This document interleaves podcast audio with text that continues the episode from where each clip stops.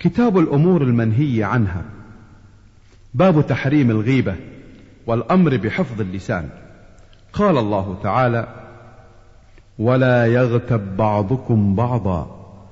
أيحب أحدكم أن يأكل لحم أخيه ميتا فكرهتموه. واتقوا الله إن الله تواب رحيم. الحجرات. وقال تعالى ولا تقف ما ليس لك به علم. إن السمع والبصر والفؤاد كل أولئك كان عنه مسؤولا. الإسراء.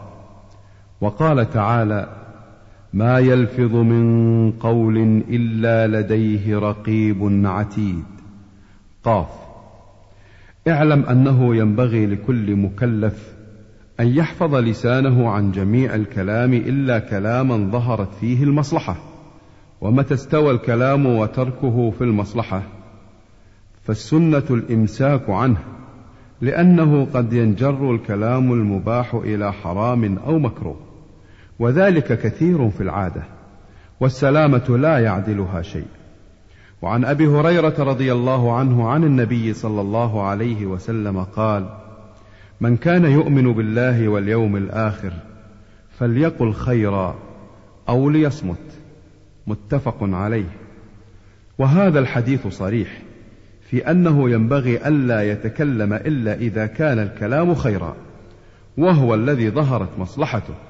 ومتى شك في ظهور المصلحة فلا يتكلم. وعن أبي موسى رضي الله عنه قال قلت يا رسول الله أي المسلمين أفضل؟ قال من سلم المسلمون من لسانه ويده. متفق عليه. وعن سهل بن سعد قال قال رسول الله صلى الله عليه وسلم من يضمن لي ما بين لحييه وما بين رجليه أضمن له الجنة. متفق عليه. وعن أبي هريرة رضي الله عنه أنه سمع النبي صلى الله عليه وسلم يقول إن العبد ليتكلم بالكلمة ما يتبين فيها يزل بها إلى النار أبعد مما بين المشرق والمغرب متفق عليه. ومعنى يتبين يتفكر أنها خير أم لا. وعنه عن النبي صلى الله عليه وسلم قال إن العبد ليتكلم بالكلمة من رضوان الله تعالى ما يلقي لها بالا يرفعه الله بها درجات. وإن العبد ليتكلم بالكلمة من سخط الله تعالى لا يلقي لها بالا يهوي بها في جهنم. رواه البخاري. وعن أبي عبد الرحمن بلال بن الحارث المزني رضي الله عنه أن رسول الله صلى الله عليه وسلم قال إن الرجل ليتكلم بالكلمة من رضوان الله تعالى ما كان يظن أن تبلغ ما بلغت يكتب الله له بها رضوانه إلى يوم يلقاه. وإن الرجل ليتكلم بالكلمة من سخط الله ما كان يظن أن تبلغ ما بلغت يكتب الله له بها سخطه إلى يوم يلقاه. رواه مالك في الموطأ والترمذي وقال حديث حسن صحيح. وعن سفيان بن عبد الله رضي الله عنه قال قلت يا رسول الله حدثني بأمر أعتصم به. قال قل ربي الله ثم استقم. قلت يا رسول الله ما أخوف ما تخاف علي. فأخذ بلسان نفسه ثم قال هذا رواه الترمذي وقال حديث حسن صحيح. وعن ابن عمر رضي الله عنهما قال قال رسول الله صلى الله عليه وسلم لا تكثروا الكلام بغير ذكر الله فإن كثرة الكلام بغير ذكر الله تعالى قسوة للقلب وإن أبعد الناس من الله القلب القاسي. رواه الترمذي.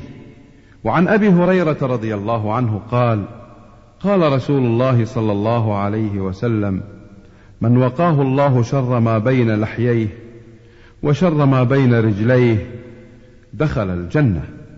رواه الترمذي وقال حديث حسن. وعن عقبة بن عامر رضي الله عنه قال قلت يا رسول الله ما النجاة؟ قال أمسك عليك لسانك وليسعك بيتك وابك على خطيئتك. رواه الترمذي وقال حديث حسن. وعن أبي سعيد الخدري رضي الله عنه عن النبي صلى الله عليه وسلم قال إذا أصبح ابن آدم فإن الأعضاء كلها تكفر اللسان. تقول اتق الله فينا فإنما نحن بك فإن استقمت استقمنا. وإن عوججت عوججنا. رواه الترمذي معنى تكفر اللسان أي تذل وتخضع له. وعن معاذ رضي الله عنه قال قلت يا رسول الله أخبرني بعمل يدخلني الجنة ويباعدني من النار. قال لقد سألت عن عظيم وإنه ليسير على من يسره الله تعالى عليه. تعبد الله لا تشرك به شيئا وتقيم الصلاة وتؤتي الزكاة وتصوم رمضان وتحج البيت. ثم قال ألا أدلك على أبواب الخير؟ الصوم جنة والصدقة تطفئ الخطيئة كما يطفئ الماء النار وصلاة الرجل من جوف الليل. ثم تلا تتجافى جنوبهم عن المضاجع حتى بلغ يعملون. السجدة. ثم قال ألا أخبرك برأس الأمر وعموده وذروة سنامه؟ قلت بلى يا رسول الله. قال رأس الأمر الإسلام وعموده الصلاة وذروة سنامه الجهاد. ثم قال ألا أخبرك بميلاك ذلك كله؟ قلت بلى يا رسول الله. فأخذ بلسانه فقال كف عليك هذا. قلت يا رسول الله وإنا لمؤاخذون بما نتكلم به. فقال ثكلتك أمك وهل يكب الناس في النار على وجوههم إلا حصائد ألسنتهم؟ ثكلتك أمك أي فقدتك. رواه الترمذي وقال حديث حسن صحيح وقد سبق شرحه. وعن أبي هريرة رضي الله عنه أن رسول الله صلى الله عليه وسلم قال أتدرون ما الغيبة؟ قالوا الله ورسوله أعلم. قال ذكرك أخاك بما يكره. قيل أفرأيت إن كان في أخي ما أقول؟ قال إن كان فيه ما تقول فقد اغتبته. وإن لم يكن فيه ما تقول فقد بهته. رواه مسلم. وعن أبي بكرة رضي الله عنه أن رسول الله صلى الله عليه وسلم قال في خطبة يوم النحر بمنى في حجة الوداع إن دماءكم وأموالكم وأعراضكم حرام عليكم كحرمة يومكم هذا في شهركم هذا في بلدكم هذا ألا هل بلغت؟ متفق عليه. وعن عائشة رضي الله عنها قالت قلت للنبي صلى الله عليه وسلم حسبك من صفية كذا وكذا. قال بعض الرواة تعني قصيرة. فقال لقد قلت كلمة لو مزجت بماء البحر لمزجته. قالت وحكيت له إنسانا فقال ما أحب أني حكيت إنسانا وإن لي كذا وكذا. رواه أبو داود والترمذي وقال حديث حسن صحيح. ومعنى مزجته خالطته مخالطة يتغير بها طعمه أو ريحه لشدة نتنها وقبحها. وهذا من أبلغ الزواجر عن الغيبة. قال الله تعالى وما ينطق عن الهوى إن هو إلا وحي يوحى. وعن أنس رضي الله عنه قال قال رسول الله صلى الله عليه وسلم لما عرج بي مررت بقوم لهم أظفار من نحاس يخمشون وجوههم وصدورهم. فقلت من هؤلاء يا جبريل؟ قال هؤلاء الذين يأكلون لحوم الناس ويقعون في أعراضهم. رواه أبو داود وإسناده صحيح. وعن أبي هريرة رضي الله عنه أن رسول الله صلى الله عليه وسلم قال كل المسلم على المسلم حرام دمه وعرضه وماله. رواه مسلم. باب تحريم سماع الغيبة. وأمر من سمع غيبة محرمة بردها. والإنكار على قائلها فإن عجز أو لم يقبل منه فارق ذلك المجلس إن أمكنه. قال الله تعالى وإذا سمعوا اللغو أعرضوا عنه القصص. وقال تعالى والذين هم عن اللغو معرضون المؤمنون. وقال تعالى إن السمع والبصر والفؤاد كل أولئك كان عنه مسؤولا.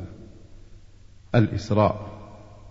وقال تعالى وإذا رأيت الذين يخوضون في آياتنا فأعرض عنهم حتى يخوضوا في حديث غيره. وإما ينسينك الشيطان فلا تقعد بعد الذكرى مع القوم الظالمين. الأنعام. وعن أبي الدرداء رضي الله عنه عن النبي صلى الله عليه وسلم قال من رد عن عرض أخيه رد الله عن وجهه النار يوم القيامة. رواه الترمذي وقال حديث حسن. وعن عتبان بن مالك رضي الله عنه في حديثه الطويل المشهور الذي تقدم في باب الرجاء قال قام النبي صلى الله عليه وسلم يصلي فقال أين مالك بن الدخشم؟ فقال رجل ذلك منافق لا يحب الله ولا رسوله. فقال النبي صلى الله عليه وسلم لا تقل ذلك. ألا تراه قد قال لا إله إلا الله يريد بذلك وجه الله؟ وإن الله قد حرم على النار. من قال لا إله إلا الله يبتغي بذلك وجه الله؟ متفق عليه. وعن كعب بن مالك رضي الله عنه في حديثه الطويل في قصة توبته وقد سبق في باب التوبة قال قال النبي صلى الله عليه وسلم وهو جالس في القوم بتبوك ما فعل كعب بن مالك؟ فقال رجل من بني سلمة يا رسول الله حبسه برداه والنظر في عطفيه. فقال له معاذ بن جبل رضي الله عنه بئس ما قلت. والله يا رسول الله ما علمنا عليه إلا خيرا. فسكت رسول الله صلى الله عليه وسلم. متفق عليه. عطفاه جانباه وهو إشارة إلى إعجابه بنفسه. باب بيان ما يباح من الغيبة.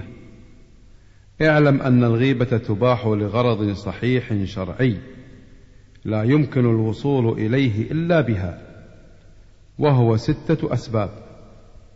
الأول التظلم. فيجوز للمظلوم أن يتظلم إلى السلطان والقاضي وغيرهما ممن له ولاية أو قدرة على إنصافه من ظالمه فيقول ظلمني فلان بكذا. الثاني الاستعانة على تغيير المنكر ورد العاصي إلى الصواب. فيقول لمن يرجو قدرته على إزالة المنكر فلان يعمل كذا فازجره عنه ونحو ذلك. ويكون مقصوده التوصل إلى إزالة المنكر. فإن لم يقصد ذلك كان حراما. الثالث الاستفتاء. فيقول للمفتي ظلمني أبي أو أخي أو زوجي أو فلان بكذا فهل له ذلك؟ وما طريقي في الخلاص منه؟ وتحصيل حقي ودفع الظلم ونحو ذلك. فهذا جائز للحاجة ولكن الأحوط والأفضل أن يقول ما تقول في رجل أو شخص أو زوج كان من أمره كذا فإنه يحصل به الغرض من غير تعيين ومع ذلك فالتعيين جائز كما سنذكره في حديث هند إن شاء الله تعالى. الرابع تحذير المسلمين من الشر ونصيحتهم وذلك من وجوه.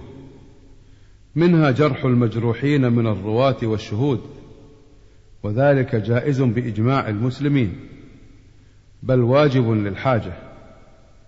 ومنها المشاورة في مصاهرة إنسان أو مشاركته أو إيداعه أو معاملته أو غير ذلك أو مجاورته.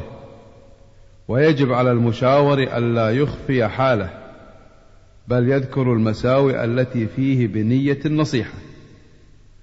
ومنها إذا رأى متفقها يتردد إلى مبتدع أو فاسق يؤخذ عنه العلم وخاف أن يتضرر المتفقهة بذلك.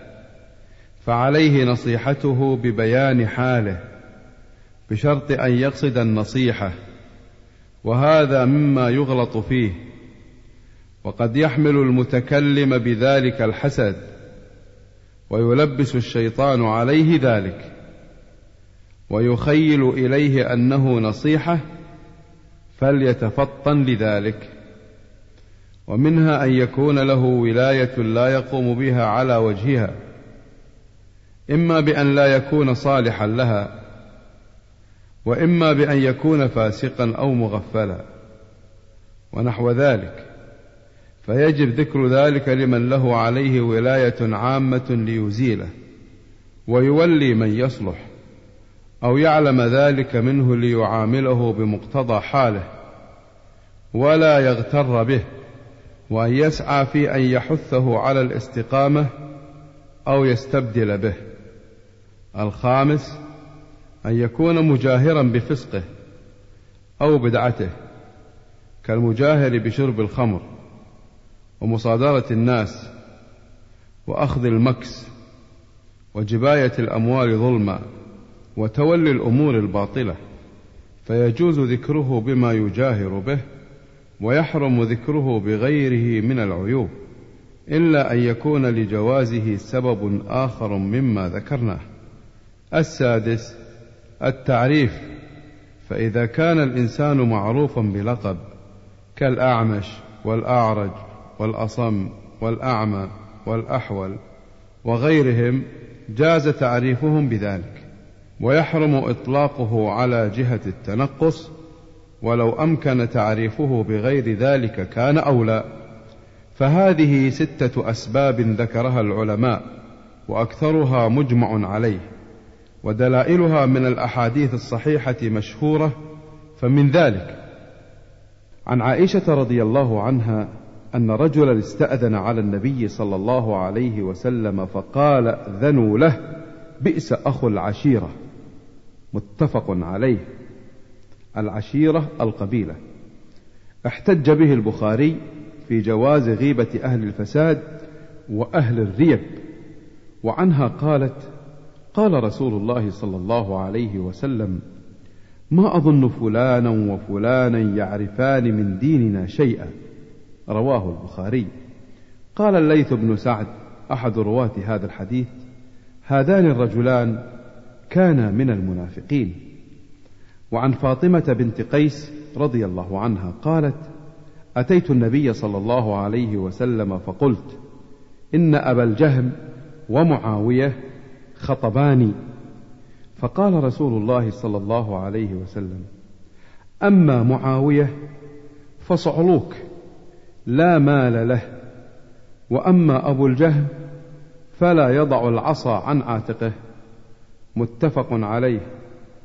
الصعلوك هو الفقير. وفي رواية لمسلم وأما أبو الجهم فضراب للنساء. وهو تفسير لرواية لا يضع العصا عن عاتقه. وقيل معناه كثير الأسفار. وعن زيد بن أرقم رضي الله عنه قال خرجنا مع رسول الله صلى الله عليه وسلم في سفر أصاب الناس فيه شدة. فقال عبد الله بن أبي لا تنفقوا على من عند رسول الله حتى ينفضوا. وقال لئن رجعنا إلى المدينة ليخرجن الأعز منها الأذل. فأتيت رسول الله صلى الله عليه وسلم فأخبرته بذلك. فأرسل إلى عبد الله بن أبي فاجتهد يمينه ما فعل؟ فقالوا كذب زيد رسول الله صلى الله عليه وسلم فوقع في نفسي مما قالوه شدة. حتى أنزل الله تعالى تصديقي إذا جاءك المنافقون. ثم دعاهم النبي صلى الله عليه وسلم ليستغفر لهم فلووا رؤوسهم. متفق عليه. وعن عائشة رضي الله عنها قالت قالت هند امرأة أبي سفيان للنبي صلى الله عليه وسلم إن أبا سفيان رجل شحيح. وليس يعطيني ما يكفيني وولدي إلا ما أخذت منه وهو لا يعلم. قال خذي ما يكفيك وولدك بالمعروف. متفق عليه. باب تحريم النميمة وهي نقل الكلام بين الناس على جهة الإفساد.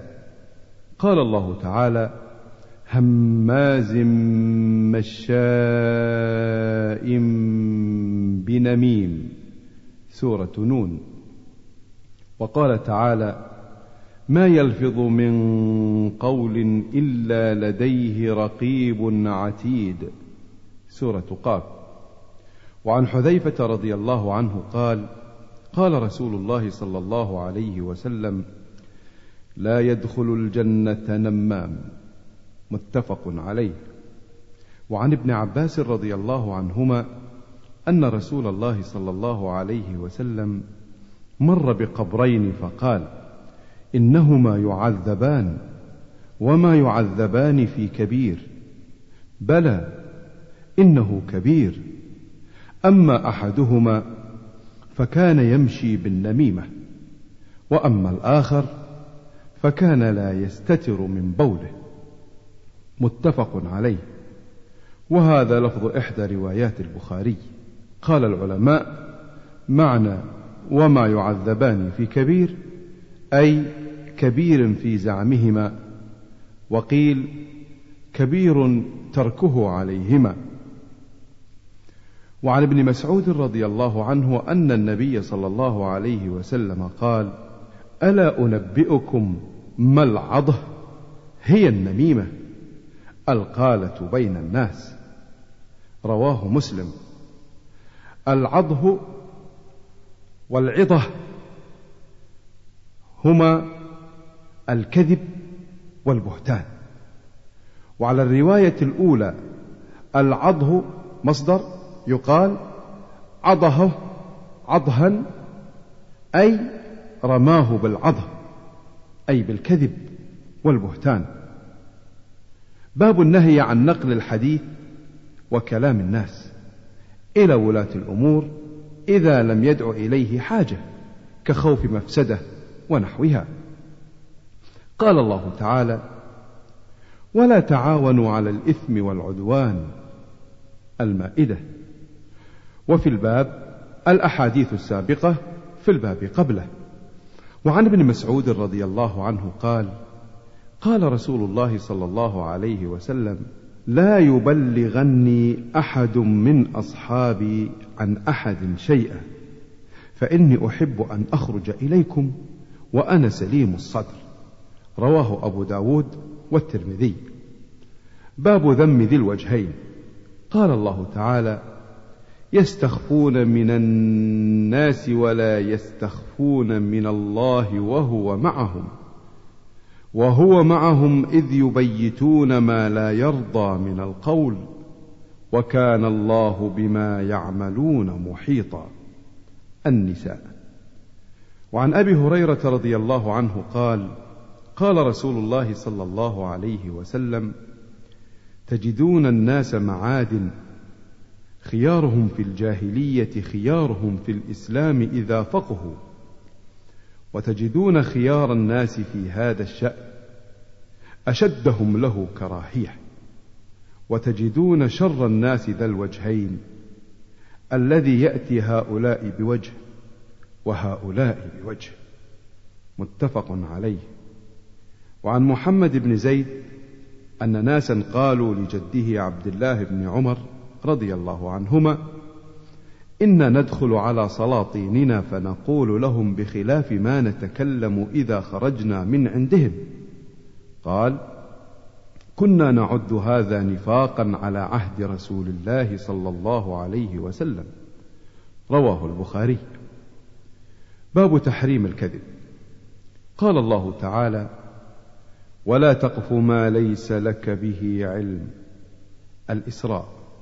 وقال تعالى ما يلفظ من قول إلا لديه رقيب عتيد. سورة قاف. وعن ابن مسعود رضي الله عنه قال قال رسول الله صلى الله عليه وسلم إن الصدق يهدي إلى البر وإن البر يهدي إلى الجنة وإن الرجل ليصدق حتى يكتب عند الله صديقا. وإن الكذب يهدي إلى الفجور وإن الفجور يهدي إلى النار وإن الرجل ليكذب حتى يكتب عند الله كذابا. متفق عليه. وعن عبد الله بن عمرو بن العاص رضي الله عنهما أن النبي صلى الله عليه وسلم قال أربع من كن فيه كان منافقا خالصا ومن كانت فيه خصلة منهن كانت فيه خصلة من نفاق حتى يدعها. إذا اؤتمن خان وإذا حدث كذب وإذا عاهد غدر وإذا خاصم فجر. متفق عليه. وقد سبق بيانه مع حديث أبي هريرة بنحوه في باب الوفاء بالعهد. وعن ابن عباس رضي الله عنهما عن النبي صلى الله عليه وسلم قال من تحلم بحلم لم يره كلف أن يعقد بين شعيرتين ولن يفعل. ومن استمع إلى حديث قوم وهم له كارهون صب في أذنيه الآنك يوم القيامة. ومن صور صورة عذب وكلف أن ينفخ فيها الروح وليس بنافخ. رواه البخاري. تحلم أي قال إنه حلم في نومه ورأى كذا وكذا وهو كاذب. والآنك هو الرصاص المذاب. وعن ابن عمر رضي الله عنهما قال قال النبي صلى الله عليه وسلم أفرى الفرى أن يري الرجل عينيه ما لم تريا. رواه البخاري. ومعناه يقول رأيت فيما لم يره. وعن سمرة ابن جندب رضي الله عنه قال كان رسول الله صلى الله عليه وسلم مما يكثر أن يقول لأصحابه هل رأى أحد منكم من رؤيا؟ فيقص عليه من شاء الله أن يقص. وإنه قال لنا ذات غداه إنه أتاني الليلة آتيان وإنهما قالا لي انطلق وإني انطلقت معهما وإنا أتينا على رجل مضطجع وإذا آخر قائم عليه بصخرة وإذا هو يهوي بالصخرة لرأسه فيثلغ رأسه فيتدهده الحجر ها هنا فيتبع الحجر فيأخذه فلا يرجع إليه حتى يصح رأسه كما كان ثم يعود عليه فيفعل به مثل ما فعل المرة الأولى. قال قلت لهما سبحان الله ما هذان؟ قالا لي انطلق انطلق فانطلقنا. فأتينا على رجل مستلق لقفاه وإذا آخر قائم عليه بكلوب من حديد وإذا هو يأتي أحد شقي وجهه فيشرشر شدقه إلى قفاه ومنخره إلى قفاه وعينه إلى قفاه. ثم يتحول إلى الجانب الآخر فيفعل به مثل ما فعل بالجانب الأول. فما يفرغ من ذلك الجانب حتى يصح ذلك الجانب كما كان. ثم يعود عليه فيفعل مثل ما فعل المرة الأولى. قال قلت سبحان الله ما هذان؟ قال قال لي انطلق انطلق فانطلقنا. فأتينا على مثل التنور. فأحسب أنه قال فإذا فيه لغط وأصوات فاطلعنا فيه فإذا فيه رجال ونساء عراه وإذا هم يأتيهم لهب من أسفل منهم فإذا أتاهم ذلك اللهب ضوضوا. قلت ما هؤلاء؟ قال لي انطلق انطلق فانطلقنا. فأتينا على نهر. حسبت أنه كان يقول أحمر مثل الدم وإذا في النهر رجل سابح يسبح وإذا على شط النهر رجل قد جمع عنده حجارة كثيرة وإذا ذلك السابح يسبح ما يسبح ثم يأتي ذلك الذي قد جمع عنده الحجارة فيفغر له فاه فيلقمه حجرا. فينطلق فيسبح ثم يرجع إليه. كلما رجع إليه فغر له فاه فألقمه حجرا. قلت لهما ما هذان؟ قالا لينطلق انطلق فانطلقنا. فأتينا على رجل كريه المرآة أو كأكره ما أن تراء رجلا مرأة فإذا هو عنده نار يحشها ويسعى حولها. قلت لهما ما هذا؟ قالا لينطلق انطلق فانطلقنا. فأتينا على روضة معتمة فيها من كل نور الربيع. وإذا بين ظهري الروضة رجل طويل لا أكاد أرى رأسه طولا في السماء. وإذا حول الرجل من أكثر ولدان رأيتهم قط قلت ما هذا؟ وما هؤلاء؟ قال لينطلق انطلق فانطلقنا. فأتينا إلى دوحة عظيمة. لم أر دوحة قط أعظم منها ولا أحسن. قال لي ارق فيها. فارتقينا فيها إلى مدينة مبنية بلبن ذهب ولبن فضة. فأتينا باب المدينة فاستفتحنا. ففتح لنا فدخلناها فتلقانا رجال شطر من خلقهم كأحسن ما أنت راء وشطر منهم كأقبح ما أنت راء قال لهم اذهبوا فقعوا في ذلك النهر وإذا هو نهر معترض يجري كأن ماءه المحض في البياض. فذهبوا فوقعوا فيه. ثم رجعوا إلينا قد ذهب ذلك السوء عنهم. فصاروا في أحسن صورة. قال قال لي هذه جنة عدن. وهذاك منزلك. فسمى بصري صعدا. فإذا قصر مثل الربابة البيضاء. قال لي هذاك منزلك. قلت لهما بارك الله فيكما فذراني فأدخله. قال أما الآن فلا وأنت داخله. قلت لهما فإني رأيت منذ الليلة عجبا. فما هذا الذي رأيت؟ قال لي أما إنا سنخبرك.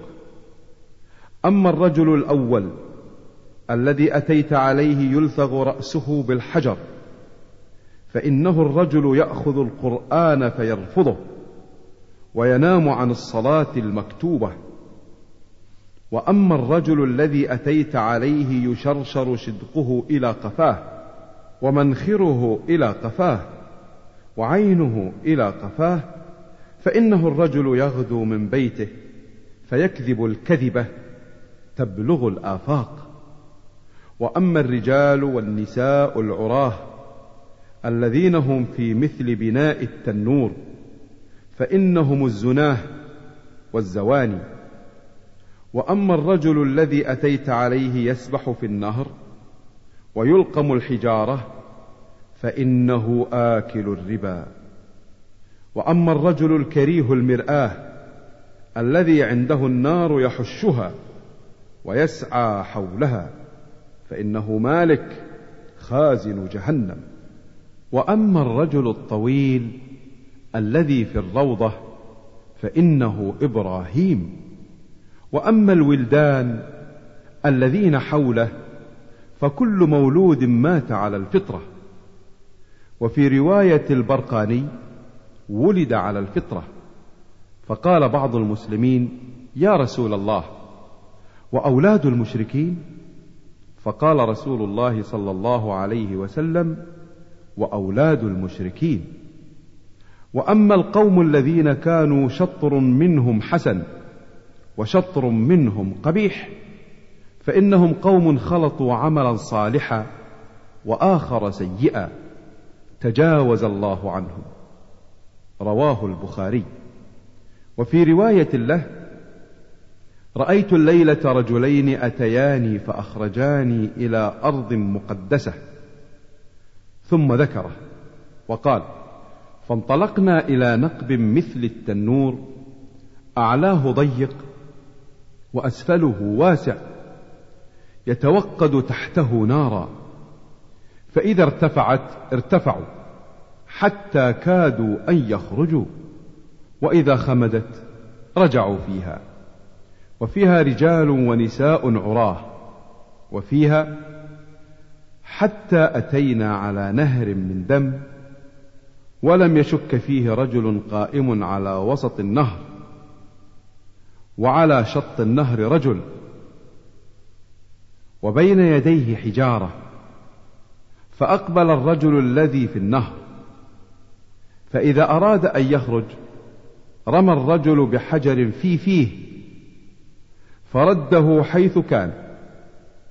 فجعل كلما جاء ليخرج جعل يرمي في فيه بحجر فيرجع كما كان وفيها فصعدا بي الشجرة فأدخلاني دارا لم أر قط أحسن منها فيها رجال شيوخ وشباب وفيها الذي رأيته يشق شدقه فكذاب.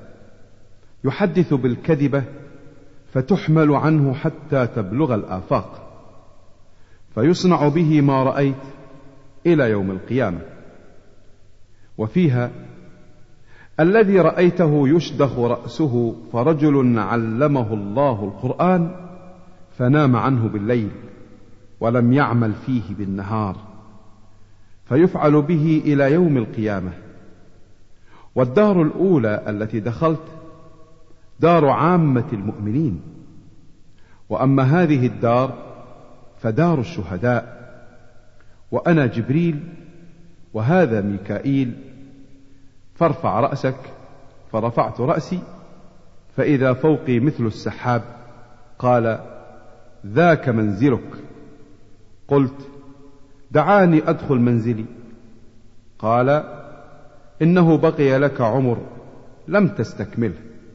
فلو استكملته أتيت منزلك. رواه البخاري. قوله يلفغ رأسه أي يسدخه يشدخه ويشقه. قوله يتتدهده أي يتدحرج. الكلوب هو معروف من حديد. يشرشر أي يقطع ضوضوا أي صاحوا فيفغر أي يفتح. المرآة المنظر. يحشها يوقدها. روضة معتمة وافية النبات طويلته. دوحة هي الشجرة الكبيرة. قوله المحض هو اللبن. قوله فسمى بصري أي ارتفع. وصعد أي مرتفعا والربابة هي السحابة باب بيان ما يجوز من الكذب. اعلم أن الكذب وإن كان أصله محرما فيجوز في بعض الأحوال بشروط قد أوضحتها في كتاب الأذكار. ومختصر ذلك أن الكلام وسيلة إلى المقاصد. فكل مقصود محمود يمكن تحصيله بغير الكذب يحرم الكذب فيه. وإن لم يمكن تحصيله إلا بالكذب جاز الكذب. ثم إن كان تحصيل ذلك المقصود مباحا كان الكذب مباحا وإن كان واجبا كان الكذب واجبا. فإذا اختفى مسلم من ظالم يريد قتله أو أخذ ماله وأخفى ماله وسئل إنسان عنه وجب الكذب بإخفائه. وكذا لو كان عنده وديعة وأراد ظالم أخذها وجب الكذب بإخفائها. والأحوط في هذا كله أن يوري ومعنى التورية أن يقصد بعبارته مقصودا صحيحا ليس هو كاذبا بالنسبة إليه وإن كان كاذبا في ظاهر اللفظ وبالنسبة إلى ما يفهمه المخاطب ولو ترك التورية وأطلق عبارة الكذب فليس بحرام في هذا الحال. واستدل العلماء لجواز الكذب في هذا الحال بحديث أم كلثوم رضي الله عنها أنها سمعت رسول الله صلى الله عليه وسلم يقول ليس الكذاب الذي يصلح بين الناس فينمي خيرا أو يقول خيرا. متفق عليه. زاد مسلم في رواية قالت أم كلثوم ولم أسمعه يرخص في شيء مما يقول الناس إلا في ثلاث تعني الحرب والإصلاح بين الناس وحديث الرجل امرأته وحديث المرأة زوجها. باب الحث على التثبت فيما يقوله ويحكيه. قال الله تعالى ولا تقف ما ليس لك به علم. الإسراء. وقال تعالى ما يلفظ من قول إلا لديه رقيب عتيد. سورة قاف. وعن أبي هريرة رضي الله عنه قال أن النبي صلى الله عليه وسلم قال كفى بالمرء كذبا أن يحدث بكل ما سمع. رواه مسلم. وعن سمرة رضي الله عنه قال قال رسول الله صلى الله عليه وسلم من حدث عني بحديث يرى أنه كذب فهو أحد الكاذبين. رواه مسلم. وعن أسماء رضي الله عنها أن امرأة قالت يا رسول الله إن لي ضرة فهل علي جناح إن تشبعت من زوجي غير الذي يعطيني؟ فقال النبي صلى الله عليه وسلم المتشبع بما لم يعط كلابس ثوبي زور. متفق عليه المتشبع هو الذي يظهر الشبع وليس بشبعان. ومعناه هنا أنه يظهر أنه حصل له فضيلة وليست حاصلة. ولابس ثوب زور أي ذي زور وهو الذي يزور على الناس بأن يتزي بزي أهل الزهد أو العلم أو الثروة ليغتر به الناس وليس هو بتلك الصفة. وقيل غير ذلك والله أعلم. باب بيان غلظ تحريم شهادة الزور. قال الله تعالى واجتنبوا قول الزور الحج. وقال تعالى ولا تقف ما ليس لك به علم الإسراء. وقال تعالى ما يلفظ من قول إلا لديه رقيب عتيد. قاف. وقال تعالى إن ربك لبالمرصاد الفجر. وقال تعالى والذين لا يشهدون الزور. الفرقان. وعن أبي بكرة رضي الله عنه قال قال رسول الله صلى الله عليه وسلم ألا أنبئكم بأكبر الكبائر؟ قلنا بلى يا رسول الله. قال الإشراك بالله وعقوق الوالدين وكان متكئا فجلس. فقال ألا وقول الزور؟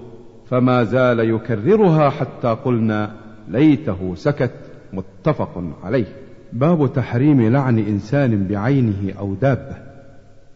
عن أبي زيد ثابت بن الضحاك الأنصاري رضي الله عنه وهو من أهل بيعة الرضوان قال قال رسول الله صلى الله عليه وسلم من حلف على يمين بملة غير الإسلام كاذبا متعمدا فهو كما قال ومن قتل نفسه بشيء عذب به يوم القيامة وليس على رجل نذر فيما لا يملكه. ولعن المؤمن كقتله. متفق عليه. وعن أبي هريرة رضي الله عنه أن رسول الله صلى الله عليه وسلم قال لا ينبغي لصديق أن يكون لعانا رواه مسلم. وعن أبي الدرداء رضي الله عنه قال قال رسول الله صلى الله عليه وسلم لا يكون اللعانون شفعاء ولا شهداء يوم القيامة. رواه مسلم. وعن سمرة بن جندب رضي الله عنه قال قال رسول الله صلى الله عليه وسلم لا تلاعنوا بلعنة الله ولا بغضبه ولا بالنار. رواه أبو داود والترمذي. وقال حديث حسن صحيح.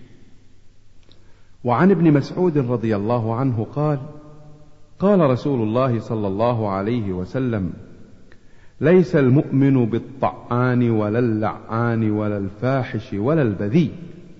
رواه الترمذي وقال حديث حسن. وعن أبي الدرداء رضي الله عنه قال قال رسول الله صلى الله عليه وسلم إن العبد إذا لعن شيئا صعدت اللعنة إلى السماء. فتغلق أبواب السماء دونها ثم تهبط إلى الأرض فتغلق أبوابها دونها ثم تأخذ يمينا وشمالا فإذا لم تجد مساغا رجعت إلى الذي لعن فإن كان أهلا لذلك وإلا رجعت إلى قائلها. رواه أبو داود. وعن عمران بن الحصين رضي الله عنهما قال بينما رسول الله صلى الله عليه وسلم في بعض أسفاره وامرأة من الأنصار على ناقة فضجرت فلعنتها. فسمع ذلك رسول الله صلى الله عليه وسلم فقال خذوا ما عليها ودعوها فإنها ملعونة. قال عمران فكأني أراها الآن تمشي في الناس ما يعرض لها أحد. رواه مسلم. وعن أبي برزة نضلة ابن عبيد الأسلمي رضي الله عنه قال بينما جارية على ناقة عليها بعض متاع القوم إذ بصرت بالنبي صلى الله عليه وسلم وتضايق بهم الجبل فقالت حل اللهم العنها. فقال النبي صلى الله عليه وسلم لا تصاحبنا ناقة عليها لعنة. رواه مسلم. قوله حل وهي كلمة لزجر الإبل. واعلم أن هذا الحديث قد يستشكل معناه ولا إشكال فيه بل المراد النهي أن تصاحبهم تلك الناقة وليس فيه نهي عن بيعها وذبحها وركوبها في غير صحبة النبي صلى الله عليه وسلم. بل كل ذلك وما سواه من التصرفات جائز لا منع منه إلا من مصاحبته صلى الله عليه وسلم بها لأن هذه التصرفات كلها كانت جائزة فمنع بعض منها فبقي الباقي على ما كان والله أعلم.